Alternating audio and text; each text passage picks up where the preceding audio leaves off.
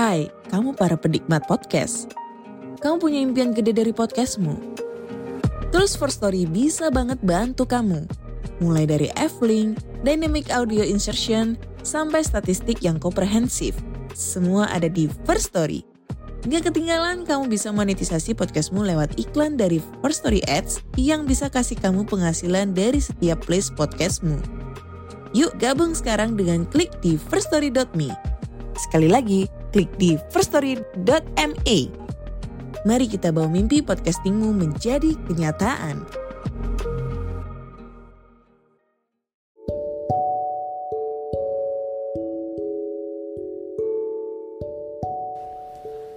Halo semuanya, kembali lagi bersama saya dan Syah Mahendra, your book reader. Saya akan kembali melanjutkan untuk membacakan buku pada kalian semua. Sebenarnya kepada diri saya sendiri ya. Tapi kalau kalian denger ya sudah denger aja. Kali ini masih melanjutkan buku Criminal Mind karya Daud Antonius, The Book of Serial Killer. Ya, buku yang berisi profil psikologis para pembunuh berantai. Sejauh ini saya sudah membacakan kisah beberapa pembunuh berantai, ada Ted Bundy, John Wayne Gacy, Harold Shipman, dokter sekaligus iblis pencabut nyawa. Kemudian ada H.H. Holmes di episode terbaru sebelumnya maksudnya ya. Pembunuh berantai pertama di Amerika Serikat. Dia tuh pembunuh berantai yang cukup terkenal lah di kalangan para pecinta kisah-kisah misteri dan kisah-kisah pembunuhan. Kali ini saya akan membacakan uh, cerita tentang Albert Fish dengan julukan Grey Man. Grey. Kesukaan pada hal menjijikkan.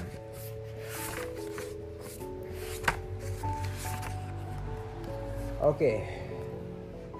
Mari kita mulai. Albert Fish. Profil lengkapnya, nama lengkapnya adalah Hamilton Howard Albert Fish. Lahir 19 Mei tahun 1870 dan meninggal pada 16 Januari 1936 pada usia 65 tahun. Dihukum mati melalui kursi listrik. Sama kayak Ted Bundy ya. Tuduhannya adalah pencurian, penculikan anak, pembunuhan dan kanibalisme. Nah, ini baru nih dari sejauh sejauh kita membaca buku ini, sejauh saya membaca buku ini. Jumlah korbannya yang terbukti ada lima orang, tapi korban asli diakui lebih dari 100 orang. Profil korbannya adalah anak kecil. Lokasi pembunuhan ada di New York, Amerika Serikat. Misery leads to crime. I saw so many boys wiped it right in my mind. Kata Albert Fish. The Grey Man, Werewolf of Mysteria, Brooklyn Vampire, Moon Maniac, and the Boogeyman. Itulah sejumlah julukan yang dialamatkan kepada Albert Fish, seorang predator pembunuh anak yang juga melakukan sejumlah pelecehan seksual dan juga penculikan terhadap anak di bawah umur. Latar belakang Albert Fish. Jika diteliti dari latar belakang keluarganya, menurut beberapa dokumen yang mendukung, hampir semua anggota keluarga Albert memiliki riwayat penyakit kejiwaan yang sangat kental. Mulai dari pamannya yang menderita mania atau gangguan psikologis di mana seseorang mengalami energi yang berlebihan, kege kegembiraan dan gairah tanpa alasan yang membuatnya menjadi hiperaktif, sulit tidur dan kadang tidak terkontrol Ibu kandung dari Albert juga sering kali mengalami halusinasi visual atau melihat hal-hal yang sebenarnya tidak ada dan tidak dilihat oleh orang lain. Tapi bisa jadi dia berbakat ya. berbakat melihat hal-hal gaib. Selain itu, empat orang saudaranya yang lain juga didiagnosis memiliki gangguan mental dan salah satunya ditahan di rumah sakit jiwa setempat karena membahayakan diri sendiri maupun orang terdekatnya. Kita akan masuk uh, pada kisah masa kecil dan asal mula nama Albert. Jadi Albert ini sebenarnya bukan nama aslinya ya. Nama aslinya adalah Hamilton Howard Fish. Tapi di profil nama lengkapnya tadi uh, namanya adalah Hamilton Howard da, tanda petik Albert kemudian Fish Hamilton Howard Fish lahir di Washington pada tanggal 19 Mei 1870 Ayahnya bernama Randall Fish, seorang Amerika berketurunan Inggris yang menikahi ibunya Ellen. Ayah dan ibunya memiliki jarak usia yang sangat jauh yaitu 43 tahun. Oh, jauh banget tuh. 43 tahun. Albert sendiri lahir ketika ayahnya berusia 75 tahun. Nama Albert sendiri sebenarnya adalah nama saudara kandungnya yang meninggal ketika kecil. Dalam kebudayaan Amerika pada masa itu, menggunakan nama dari seseorang seorang anggota keluarga yang sudah meninggal adalah bentuk penghormatan dan mengenang pribadi tersebut. Mulai dari saat itulah Hamilton Howard Fish lebih dikenal dengan Albert Fish yang berasal dari nama adiknya. Ayah Albert adalah seorang mantan kapten kapal yang beralih profesi menjadi pengusaha pupuk. Ayahnya meninggal karena serangan jantung pada 16 Oktober 1875 ketika Albert berusia 5 tahun. Setelah kepergian ayahnya, Albert dimasukkan ke panti asuhan St. John di Washington oleh ibunya dengan alasan tidak dapat menghidupinya. Di tempat tersebut, Albert sering kali dapat pelecehan, pemukulan, dan juga kekerasan fisik. Bahkan tidak jarang sesama penghuni panti asuhan tersebut dipaksa untuk saling menyakiti. Namun anehnya, setelah sering mengalami hal tersebut, Albert menyatakan bahwa ia mulai menikmati rasa sakit dari tindakan kekerasan tersebut. Ini adalah awal di mana Albert memunculkan ciri sadomasochisme atau kenikmatan seksual yang ia dapatkan dari kekerasan maupun menyiksa atau penyiksaan masa remaja dan kebiasaan aneh. Pada tahun 1880, Albert keluar dari pantai asuhan setelah ibunya berhasil mendapatkan pekerjaan di pemerintahan. Kemudian pada usia 12 tahun, Albert mulai berkenalan dan bergaul dengan seorang remaja lain yang bekerja sebagai pengantar telegraf. Mesin pengiring eh, eh, pengantar telegraf yaitu mesin pengirim atau penerima pesan jarak jauh dengan kode Morse ini dijelasin dalam kurung itu jadi oke okay, buat kalian yang nggak ngerti telegraf itu apa jadi telegraf adalah mesin pengirim ataupun penerima pesan jarak jauh dengan kode Morse. Itu zaman zaman belum ada SMS tuh. Jadi mereka bisa ngirim pesan teks uh, ngirim surat dengan cepat gitu. Jadi bisa antar negara dengan cepat. Kayak SMS tapi dia pakai ya mungkin SMS juga merupakan sebuah visi apa ya bentuk visioner maksudnya bentuk bentuk pembaruan dari telegraf. Oke kita lanjut. Ia kemudian diperkenalkan dengan berbagai tindakan yang aneh Seperti urolagnia Yaitu meminum urin Atau koprophagia Makan kotoran. Wow. Puh Puh Puh Puh Puh, puh. Makan kotoran Albert juga sering mengunjungi pemandian umum di akhir minggu, hanya untuk melihat anak laki-laki yang telanjang. Ia juga mulai menuliskan banyak surat-surat berbau seksual kepada para wanita yang namanya ia dapatkan dari surat kabar. Kecenderungan sadomaks, sadomakosisme, sadomakosisme, kecenderungan sadomakosisme, kebiasaan urolagnia, dan kopropagia yang juga turut berkontribusi pada apa yang dilakukan oleh Albert pada masa-masa setelahnya. Susah-susah ya nyebutnya sadomakosisme, urolagnia, urolagnia itu yang tadi minum urin, kopropagia, memakan kotoran. Kotoran ini bukan kotoran dalam arti sampah, kotoran, kotoran, tai. Masa dewasa awal dan pernikahan. Albert kemudian pergi menuju New York pada tahun 1890. Berdasarkan keterangannya sendiri, di sana ia mengaku mulai melakukan kejahatan seksual terhadap beberapa remaja laki-laki. Ia mencari uang dengan menjadi seorang pelacur pria. Ia juga banyak memikat remaja dan melakukan penyiksaan terhadap mereka. Salah satu alat yang biasa dia, dia gunakan untuk menyiksa adalah dayung yang diikat dengan paku tajam. Seiring berjalannya waktu, fantasi seksual dan kekejamannya mulai menjadi tidak masuk akal. Ia berkeinginan untuk membunuh dan memakan para remaja tersebut. Pada tahun 1898, ketika Albert berumur 28 tahun, ia dinikahkan dengan Anne Mary Hoffman yang umurnya 9 tahun lebih muda darinya. Setelah menikah, mereka mempunyai enam orang anak. Albert bekerja sebagai tukang cat dan pelukis dinding rumah. Ia mengaku kembali melakukan pelecehan terhadap anak-anak yang kebanyakan adalah anak laki-laki yang umurnya kurang dari enam tahun. Balita kurang dari enam tahun tuh masih bocah banget penjara untuk pertama kalinya. Albert sempat ditangkap dan ditahan karena kasus penggelapan dan pencurian di tahun 1903. Namun di sana ia malah secara rutin berhubungan seksual dengan napi yang lainnya. Setelah bebas dari penjara ia sempat memiliki kekasih seorang laki-laki yang kemudian membawanya ke sebuah museum lilin atau pameran patung yang menyerupai manusia asli. Di sana ia, ia mengamati anatomi manusia dan menjadi tertarik terhadap mutilasi seksual. Pada tahun 1910, ia sempat bertemu dengan remaja berumur 19 tahun yang bernama Thomas Caden. Thomas adalah seorang anak yang didiagnosis memiliki keterbelakangan mental. Albert kemudian membawa Thomas dan melakukan hubungan seksual dengannya, bahkan hubungan seksual dengan penyiksaan atau sadomasos sadomasochistik 10 hari setelah hubungan yang sebelumnya Albert mengajak Thomas ke sebuah gedung tua dan mulai melakukan penyiksaan terhadapnya selama dua minggu berturut-turut. Albert bahkan sempat menikahi, uh, oke okay, sorry sorry sorry. Albert bahkan bahkan sempat mengikat Thomas dan meng, mengebiri alat kelaminnya. Thomas yang pada awalnya berniat untuk dibunuh akhirnya selamat karena hari itu cukup panas dan akan menarik banyak orang. Albert akhirnya menyiram bagian luka Thomas dengan obat dan menutupinya dengan sapu tangan. Albert kemudian meninggalkan Thomas setelah sempat menciumnya dan meninggalkan uang sebesar 10 dolar. Perceraian, dan kanibalisme.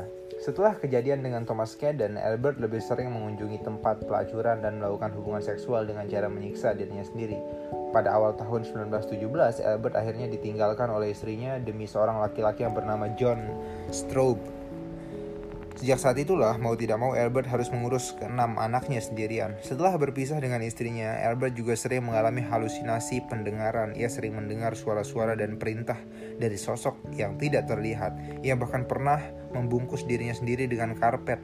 Hal ini menurutnya dilakukan atas dasar perintah dari Rasul Yohanes, seorang tokoh dari Alkitab. Huh. Setelah pernikahannya berakhir, Albert juga mulai menulis sejumlah surat kepada wanita yang identitasnya ia dapatkan dari surat kabar. Ia menuliskan banyak hal menjijikkan terkait dengan hal seksual dan sadisme. Tidak ada yang pernah membalas suratnya, namun beberapa dari surat tersebut juga turut dijadikan alat bukti dalam persidangan. Albert kemudian mengembangkan kemampuannya dalam melukis tembok. Keterampilan ini turut membawanya berkeliling ke sejumlah daerah dan ternyata di sana ia juga mencari para korbannya. Albert mengincar anak remaja yang biasanya mengalami keterbelakangan mental. Selain itu, beberapa dari korban juga merupakan keturunan African American. Hal ini dikarenakan menurut Albert mereka dengan keturunan African tidak akan terlalu dipermasalahkan jika hilang dan meninggal. Dalam beberapa oke. Okay. Mungkin pada saat itu rasisme masih kental-kentalnya ya. Sehingga orang-orang dengan keturunan African tidak terlalu dipermasalahkan tuh jika hilang atau meninggal. Dalam beberapa kesempatan, Elba juga membayar orang lain untuk mencarikannya para korban. Dia kemudian akan menyiksa mereka, membunuh mereka, dan memutilasi mereka dengan menggunakan golok, pisau daging, dan gergaji penyiksaan diri sendiri untuk kepuasan. Tidak cukup dengan satu hal yang ia lakukan, Albert juga mulai memuaskan dirinya secara seksual dengan menusukkan jarum-jarum ke selangkangannya dan perutnya sendiri. Ia juga memukul dirinya sendiri dengan dayung yang dipenuhi paku tajam hingga berdarah, memasukkan benang wol yang sudah dicelupkan bahan bakar ke lubang anusnya sendiri, lalu kemudian menyalakan api pada benang tersebut.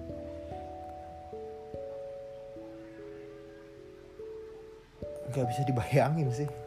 Menurut laporan Albert tidak Menurut laporan, Albert tidak melakukan penyiksaan maupun pelecehan kepada anaknya sendiri, tapi ia beberapa kali meminta anaknya terlibat dalam permainan sadis, di mana mereka didorong untuk memukul Albert dengan sejumlah alat penyiksaan. Selain itu, obsesi Albert juga berkembang semakin parah. Tidak hanya penyiksaan dan mutilasi, ia mulai tertarik dengan kanibalisme. Bahkan, menurut keterangannya sendiri, ia beberapa kali menyajikan daging mentah untuk makan malam anak-anaknya.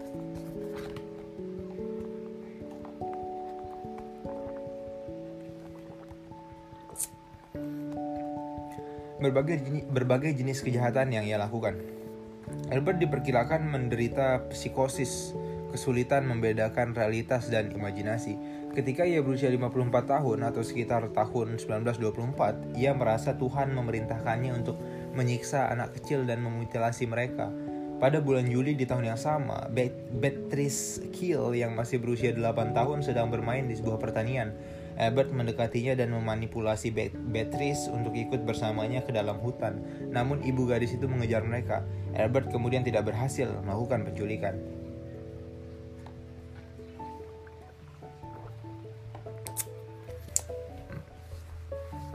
Tidak lama setelah itu, Albert mulai mencari korban lagi. Kali ini seorang anak kecil bernama Krill Queen. Ketika sedang bermain bersama dengan temannya, Albert datang dan menawari mereka makanan. Albert mengajak mereka menuju rumahnya untuk dibuatkan sandwich. Pada waktu kedua, pada waktu keduanya sedang bermain di atas ranjang Albert, kasurnya bergeser dan di bawahnya mereka melihat berbagai senjata seperti gergaji, pisau, golok, dan uh, mereka kemudian merasa takut. Akhirnya mereka melarikan diri dan selamat dari kejahatan Albert Fish. Pembunuhan Grace Booth Edward Booth adalah seorang pemuda yang berusia 18 tahun. Ia ingin hidup mandiri dan terlepas dari kemiskinan orang tuanya. Pada tanggal 28 Mei 1928, ia memasang iklan baris untuk mencari pekerjaan di koran New York World. Di sana, ia juga menuliskan alamatnya untuk dapat dihubungi. Tiga hari setelah iklan tersebut, Albert Fish yang ketika itu sudah berusia 58 tahun mendatangi rumahnya. Albert memperkenalkan diri sebagai Frank Howard, seorang petani yang berjanji akan mempekerjakan Edward beserta seorang temannya. Namun setelah pertemuan pertama, Edward tidak muncul kembali. Ia kemudian mengirim surat dan meminta maaf dan berjanji akan datang kembali. Pada pertemuan kedua, Herbert datang dengan membawa stroberi dan keju yang diklaim sebagai hasil dari pertaniannya. Pada saat inilah ia bertemu dengan Grace Booth, saudara perempuan Edward yang masih berusia 10 tahun. Herbert yang pada awalnya berniat untuk menculik dan membunuh Edward akhirnya tertarik kepada Grace. Ia mengarang cerita tentang ulang tahun keponakannya, meminta izin kepada orang tua Grace dan meyakinkan mereka bahwa Grace terundang untuk datang di pesta tersebut. Albert memastikan Grace akan bebek saja dan pulang sebelum jam 9 malam. Akhirnya Albert dan Grace pun pergi dan semenjak itulah Grace tidak pernah kembali lagi. Keesokan pagi, keesokan paginya kakak Grace, Edward Wood melapor ke polisi dan ternyata alamat yang diberikan oleh Frank Howard adalah alamat palsu. uh, ternyata alamat yang diberikan oleh Frank Howard adalah alamatnya Ayu Ting Ting palsu. Polisi pun melakukan penyelidikan intensif untuk menemukan penculikan untuk, untuk menemukan penculiknya. Dalam perkembangan kasusnya, polisi sempat melakukan salah tangkap. Mereka memenjarakan Charles Edward Pope, seorang penjaga apartemen yang berusia 66 tahun. Charles diduga sebagai tersangka penculikan Grace Booth. Ia bahkan menghabiskan lebih dari 100 hari di penjara dalam persidangan maupun penahanan sampai akhirnya ia dinyatakan tidak bersalah atas penculikan tersebut dan bebas dari segala tuduhan. Salah tangkap. Surat kematian Grace dan penangkapan. Tujuh tahun setelah Grace menghilang, tepatnya pada bulan November 1934, ibu Grace mendapatkan sebuah surat tak bernama dalam sebuah amplop.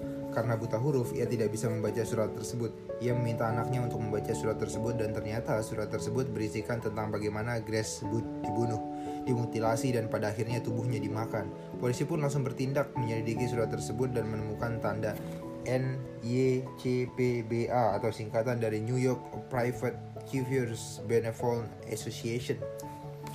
Polisi kembali melakukan penyelidikan di kantor NYCPBA dan meminta siapa pun yang pernah mengambil amplop dan kertas dari sana untuk memberikan keterangan. Akhirnya seorang petugas kebersihan mengaku mengambil beberapa alat tulis termasuk kertas dan amplop, namun ia meninggalkannya di sebuah apartemen lalu pindah dari sana.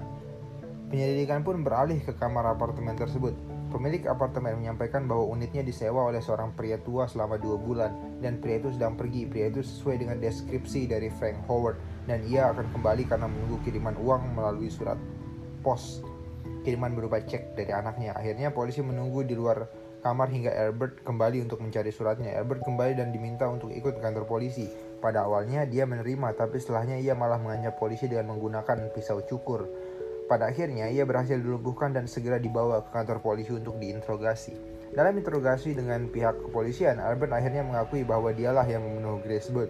Dalam keterangannya, ia berencana untuk memutilasi Edward Booth dan memotong alat kelaminnya. Ia bahkan sudah mempersiapkan pisau daging untuk aksinya. Namun, ketika ia melihat Edward yang tegap, ia merasa tidak bisa mengalahkannya secara fisik. Ia melihat Grace dan mengubah rencananya. Grace dibawa kemudian dicekik dan diperkosa. Polisi mengambil kesimpulan adanya motif seksual di balik penculikan tersebut. Menurut Albert, Grace dibawanya dengan menggunakan kereta. Grace terlihat bahagia melihat dunia luar karena memang selama hidupnya jarang sekali keluar dari rumah. Bahkan ketika Albert membawa paket yang berisi alat pembunuhan dan hampir tertinggal di kereta, Grace lah yang mengingatkannya untuk membawa paket itu kembali. Ironi. Albert lalu membawa Grace ke suatu bangunan berlantai dua yang berada di tengah hutan. Ia kemudian mencekik Grace dan menjadi terangsang karena perbuatannya itu. Grace juga sempat berteriak dan melarikan diri, tapi sayangnya tertangkap dan meninggal di tangan Albert. Selanjutnya Grace dimutilasi, kepalanya dipenggal dan tubuhnya dibelah menjadi dua bagian. Albert kemudian membawa bagian tubuh Grace yang sudah terpotong dan membungkusnya dengan koran. Ketika penyidik dari pihak kepolisian menanyakan alasan kenapa Albert melakukan semua perbuatan kejinya itu, Albert hanya menjawab, "Kamu tahu, aku tidak pernah bisa menjelaskan alasan aku melakukannya." Pihak kepolisian pada awalnya tidak memberikan informasi secara rinci mengenai kejahatan yang dilakukan oleh Albert karena itu dianggap terlalu kejam dan tidak layak untuk diketahui. Perbuatan kanibalismenya juga pada awalnya sengaja ditutupi agar tidak membuat masyarakat panik. Korban lainnya, Francis McDonald Melalui penyelidikan yang intensif, akhirnya polisi juga berhasil mengungkap korban lainnya yaitu anak berusia 9 tahun bernama Francis McDonald. Francis dilaporkan hilang oleh orang tuanya pada tanggal 24 Juli 1924. Ia hilang setelah bermain bola dengan teman-temannya. Teman yang ikut bermain bersamanya mengatakan bahwa ia dibawa oleh seorang laki-laki tua berkumis abu-abu. Tetangga juga sempat melihat Francis berjalan bersama seorang laki-laki mirip gelandangan berambut abu-abu menuju ke hutan terdekat. Ibu Francis bahkan mengaku sempat melihat laki-laki dengan deskripsi yang sama berjalan di sekitar rumahnya sambil bergumam dan melakukan gerakan aneh dengan tangannya. Dia juga melihat rambut dan kumisnya yang berwarna abu dan tebal. Ayah Francis yang juga adalah seorang polisi akhirnya menyadari bahwa anaknya telah menghilang menjelang waktu makan malam. Ia pun mengatur pencarian yang dilakukan di sekitar hutan terdekat. Akhirnya, tim pencari menemukan Francis di dalam hutan dalam keadaan yang mengenaskan. Ia diserang secara fisik dan tergantung di sebuah pohon dalam keadaan tidak bernyawa. Menurut keterangan otopsi, Francis diserang secara seksual dan dicekik hingga tewas. Terdapat luka sobek yang panjang di bagian perut dan kakinya, bahkan beberapa uratnya terpisah dari daging tubuhnya sendiri. Terrifying. Karena keadaan Francis yang parah akibat pemukulan, polisi awalnya ragu bahwa pemukulnya adalah seorang gelandang tua, berambut dan kumis abu-abu.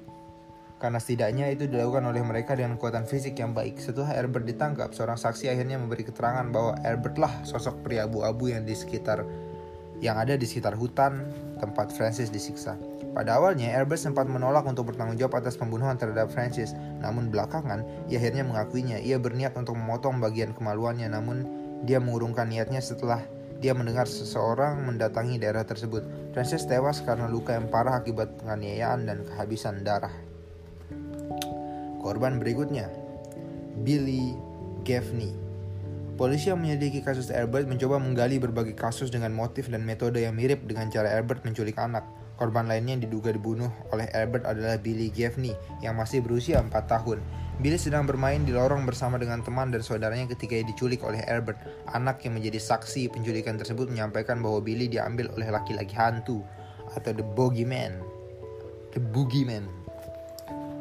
Kasus ini kemudian terungkap ketika Joseph Manhan, Joseph Mehan, seorang mekanik melihat foto Albert di koran yang mengenali Albert sebagai seorang pria yang sedang menenangkan seorang anak kecil yang berada di dalam kereta bayi yang sedang menangis sambil berkali-kali memanggil ibunya. Anak yang menangis itu adalah Billy Gieffney dan jenazahnya tidak pernah ditemukan. Polisi semakin yakin bahwa pelaku penculikan itu adalah Albert ketika mengetahui deskripsi The Buggy Man. Sama dengan Albert dan uh, bukti bahwa Albert bekerja sebagai tukang cat di suatu perusahaan dengan lokasi tidak jauh dari hilangnya Billy ketika itu. Dalam keterangannya, Albert mengaku bahwa ia membawa Billy ke sebuah rumah kosong, mengikat tangannya dan kakinya, dan membungkapnya dengan lap kotor. Pakaiannya juga dibakar dan sepatunya dibuang ke tempat sampah. Pada jam 2 siang keesokan harinya, Albert datang kembali untuk menyiksa Billy menggunakan cambuk dan ikat pinggang. Setelah itu Albert juga memutilasi Billy dengan memotong bagian sekitar wajah, hidung, dan kupingnya. Setelah terbunuh, Albert mengambil kalung. Setelah terbunuh, Albert mengambil karung dan mulai memotong-motong tubuh Billy. Ia juga meminum darah Billy dan membawa beberapa bagian tubuh tertentu untuk dimasaknya di rumah. Aduh. Udah tua loh dia, Albert. Albert Fish. Kemungkinan korban lainnya. Albert membantah terlibat dengan pembunuhan lainnya, namun ia dijadikan tersangka dalam beberapa kasus pembunuhan lainnya. Tidak masuk ke dalam persidangan karena bukti yang belum cukup. Kasus yang dihubungkan dengannya adalah beberapa kasus dengan metode yang serupa, memiliki gambaran tersangka yang mirip dan juga berlangsung tidak jauh dari lokasi di mana Albert Fish berada. Berikut ini adalah beberapa korban yang diduga dibunuh oleh Albert. Emma Rickardson, 5, 5 tahun. Tidak banyak dokumen resmi yang membahas mengenai kasus pembunuhan ini. Yeta Abnowitz, 12 tahun, 1927 dia dicekik dan dipukuli di atap rumah, meninggal di rumah sakit segera setelah dia ditemukan. Mary Ellen O'Connor, 16 tahun, 1932. Tubuhnya ditemukan termutilasi di dalam hutan dekat dengan sebuah rumah yang telah dilukis oleh Herbert. Benjamin Collins, 17 tahun, 1932. Tidak banyak dokumen resmi yang membahas mengenai kasus pembunuhan ini. Persidangan, hukuman, dan kematian sebelum kita masuk ke analisis psikologis Albert Fish. Persidangan Albert Fish untuk pembunuhan berencana terhadap Grace Bird dimulai pada hari Senin 11 Maret 1935. Sidang berlangsung selama 10 hari. Albert mengajukan pembelaan dengan menyatakan diri tidak waras ia juga bersaksi bahwa ada suara-suara dari Tuhan yang memintanya untuk membunuh para korban.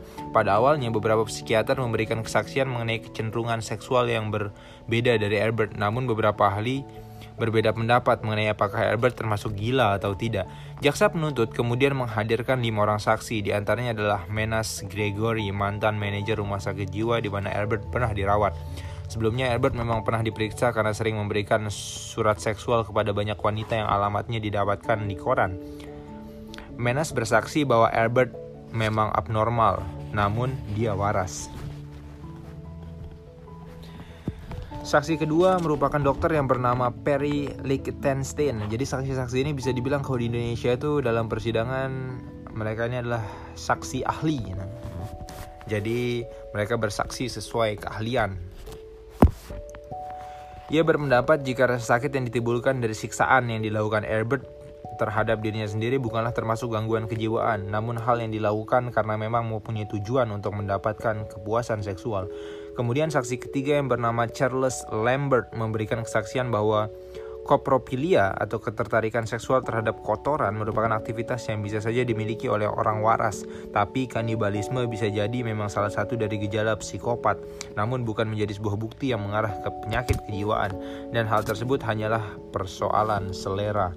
Saksi keempat yang juga adalah seorang dokter bernama James Vavasor memberikan keterangan yang sama seperti yang dijelaskan oleh saksi sebelumnya.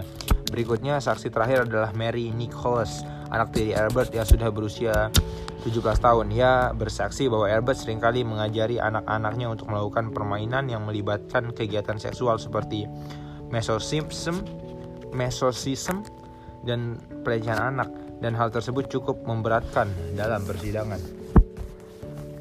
Dalam akhir persidangan, Albert dinyatakan waras dan bersalah atas sejumlah pembunuhan, mutilasi, dan perbuatan kejam lainnya. Hakim memutuskan hukuman mati yang dilakukan pada tanggal 16 Januari 1936. Albert sempat berkata bahwa listrik adalah sensasi tertinggi dalam hidupku. Dia kemudian meninggal pada jam 11 lebih 9 menit pada malam hari. Jadi 11.09 PM banyak isu yang mengatakan hukuman listrik berlangsung cukup lama karena terdapat banyak jarum dan paku di dalam tubuhnya.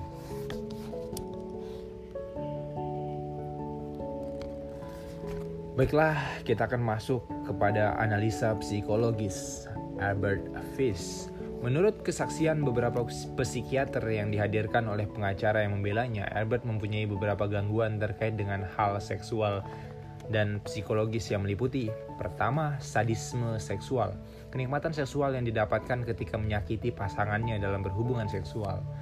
Kemudian biseksual, ketertarikan seksual terhadap pria dan wanita dalam porsi yang serupa, muncul secara emosional maupun fisik. Mesosism, kepuasan seksual yang didapatkan seseorang lewat menyakiti diri sendiri atau rasa sakit yang dilakukan oleh pasangannya. Psikosis, ketidakmampuan dalam membedakan antara imajinasi dan realitas yang ada sehingga sering kali terjebak dalam hayalan diri sendiri. Contohnya mendengar suara atau melihat bayangan tertentu. Eksibisionisme kenikmatan seksual yang didapatkan seseorang ketika ia memamerkan hal berbau seksual termasuk alat vital atau imajinasi seksualnya terhadap orang lain. Voyeurisme Kepuasan seksual yang didapatkan dari mengintip orang lain melakukan aktivitas pribadi seperti membuka baju, mandi, berhubungan seksual, dan sebagainya. Aktivitas ini biasanya dilakukan secara tersembunyi. Ini biasanya yang dilakukan oleh para apa ya di istilahnya itu penguntit stalker ini English Picurism gairah seksual yang didapatkan dengan menyiksa bagian kulit seseorang menggunakan benda tajam seperti silet atau pisau. Pisau. Kopropagia dan urolagnia. Gairah seksual yang didapatkan dari aktivitas memakan kotoran atau minum urin. Pedofilia gangguan pedofil. Pedofilia gangguan seksual di mana seorang dewasa memiliki ketertarikan seksual terhadap anak-anak, pra-remaja, atau anak sebelum puber. Dan kanibalisme, tindakan keji di mana seorang mengkonsumsi daging, bagian tubuh atau organ dari spesies yang sama. Dalam hal ini manusia yang memakan sesama manusia. Biasanya manusia memanusiakan manusia, manusia memakan manusia.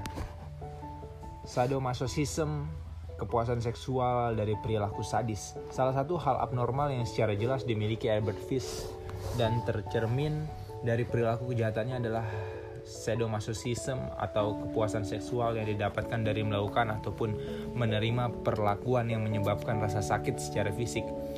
Sadomasochism berasal dari kombinasi antara sadisme secara seksual dan tindakan masochism Istilah sadomasochism pertama kali dikemukakan secara medis oleh Richard von Kreft Ebing, seorang psikiater asal Jerman. Ia meminjam dan menggabungkan sadisme dan masokisme yang sebelumnya telah diperkenalkan melalui karya sastra dalam bentuk novel.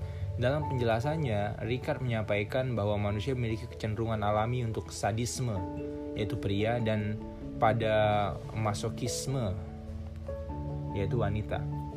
Sigmund Freud, bapak psikolog psikoanalisa, bapak psikoanalisa Sigmund Freud juga pernah menggambarkan sadisme dan makosisme sebagai perkembangan psikologis yang menyimpang dari anak usia dini.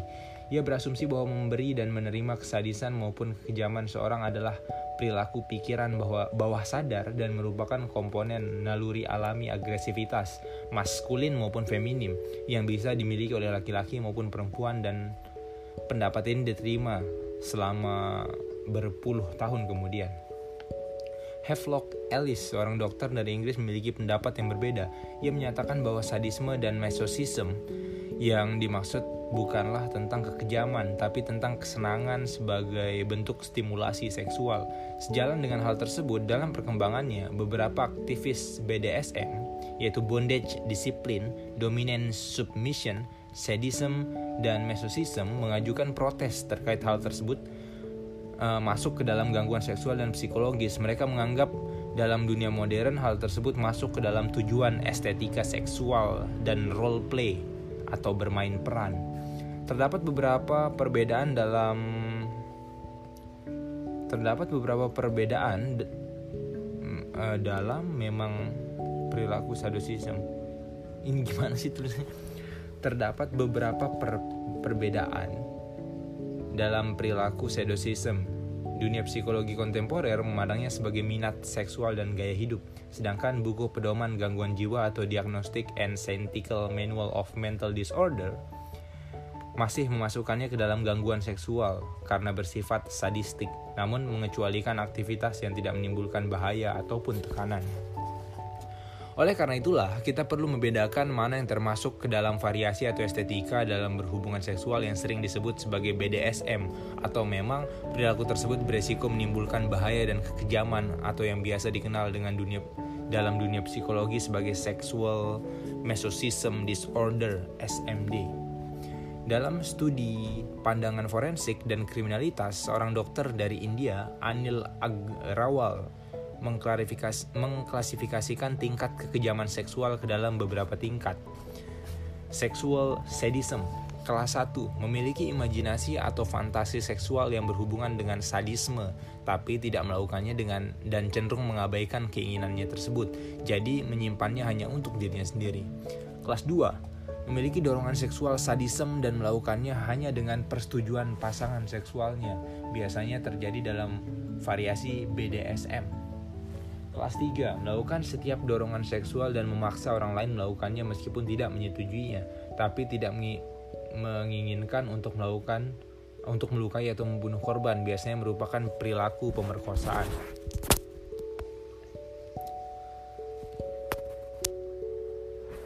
Kelas 4 dengan sengaja mencari korban atau mereka yang tidak menyetujui hubungan dengan paksaan bahkan tidak segan melukai atau membunuh mereka demi mendapatkan kepuasan seksual.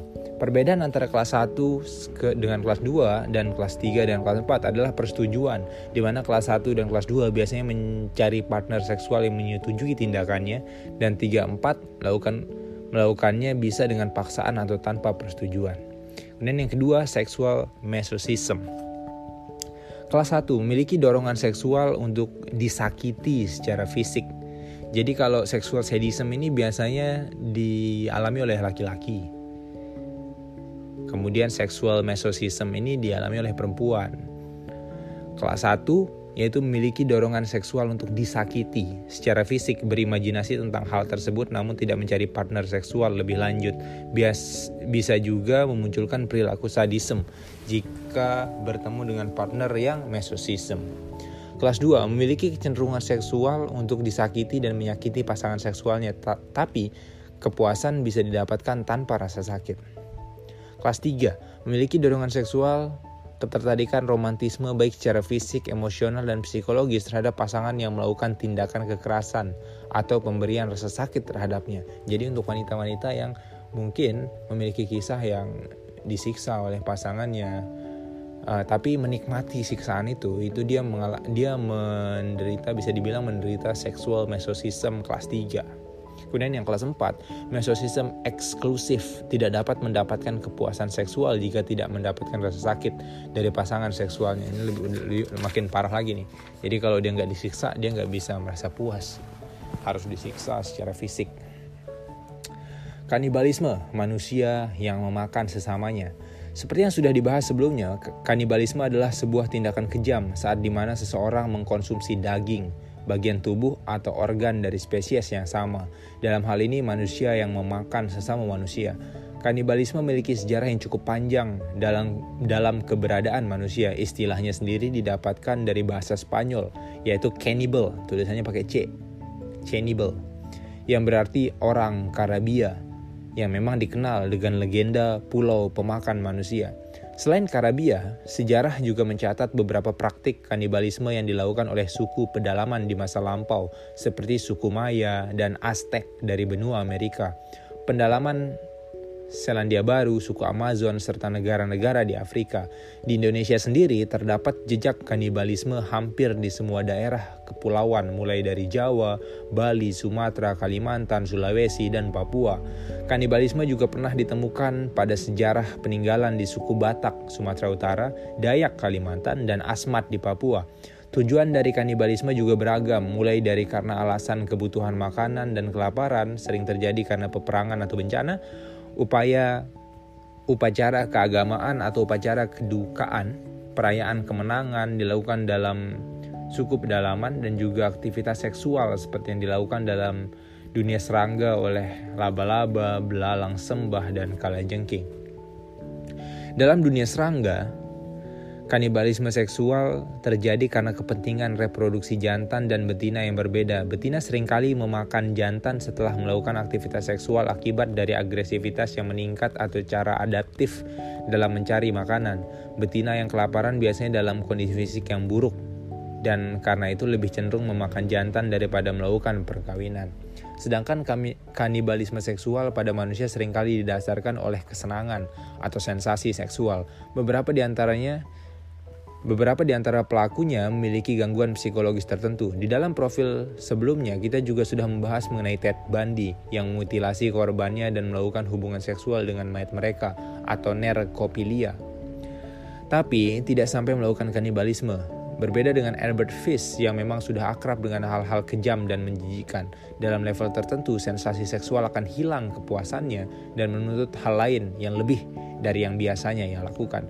Berikut ini adalah beberapa alasan yang biasanya dimiliki oleh seseorang yang melakukan kanibalisme seksual. Yang pertama, fantasi seksual.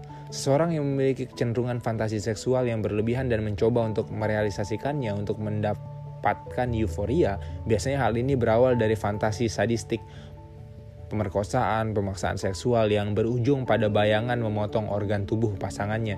Ted Bundy dalam wawancara terakhirnya juga menyatakan bahwa keinginannya untuk memperkosa dan membunuh para korbannya berkaitan dengan imajinasi dan fantasinya ketika kecil. Ia adalah seorang pecandu pornografi, khususnya yang berhubungan dengan kekerasan seksual.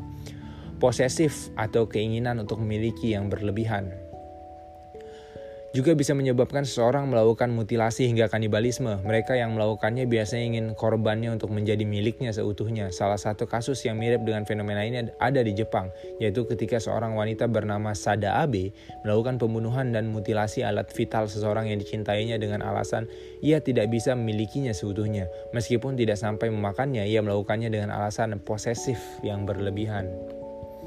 Bahaya nih memiliki gangguan psikologis seperti psikosis, schizophrenia, schizofrenia apa skizo, skizofrenia paranoid dan banyak gangguan psikologis lainnya berhubungan dengan fungsi berpikir seseorang. Sebagai contoh dalam kasus Albert Fish, ia menyatakan sering mendengarkan suara-suara dari Tuhan yang menyuruhnya dalam melakukan berbagai kekejaman, termasuk membunuh, memutilasi, dan melakukan kanibalisme terhadap anak kecil. Habis? Gak ada warningnya. Oke. Okay? Selesai kisah Albert Fish dan analisis psikologisnya. Kemudian pada episode berikutnya kita akan menarik map ke timur. Kita akan berjalan ke timur untuk membahas Tsutomu Miyazaki dengan subjudul Tidur dengan Mayat dan Meminum Darah Korbannya. Sampai jumpa di episode selanjutnya. Orang Jepang nih. Dah.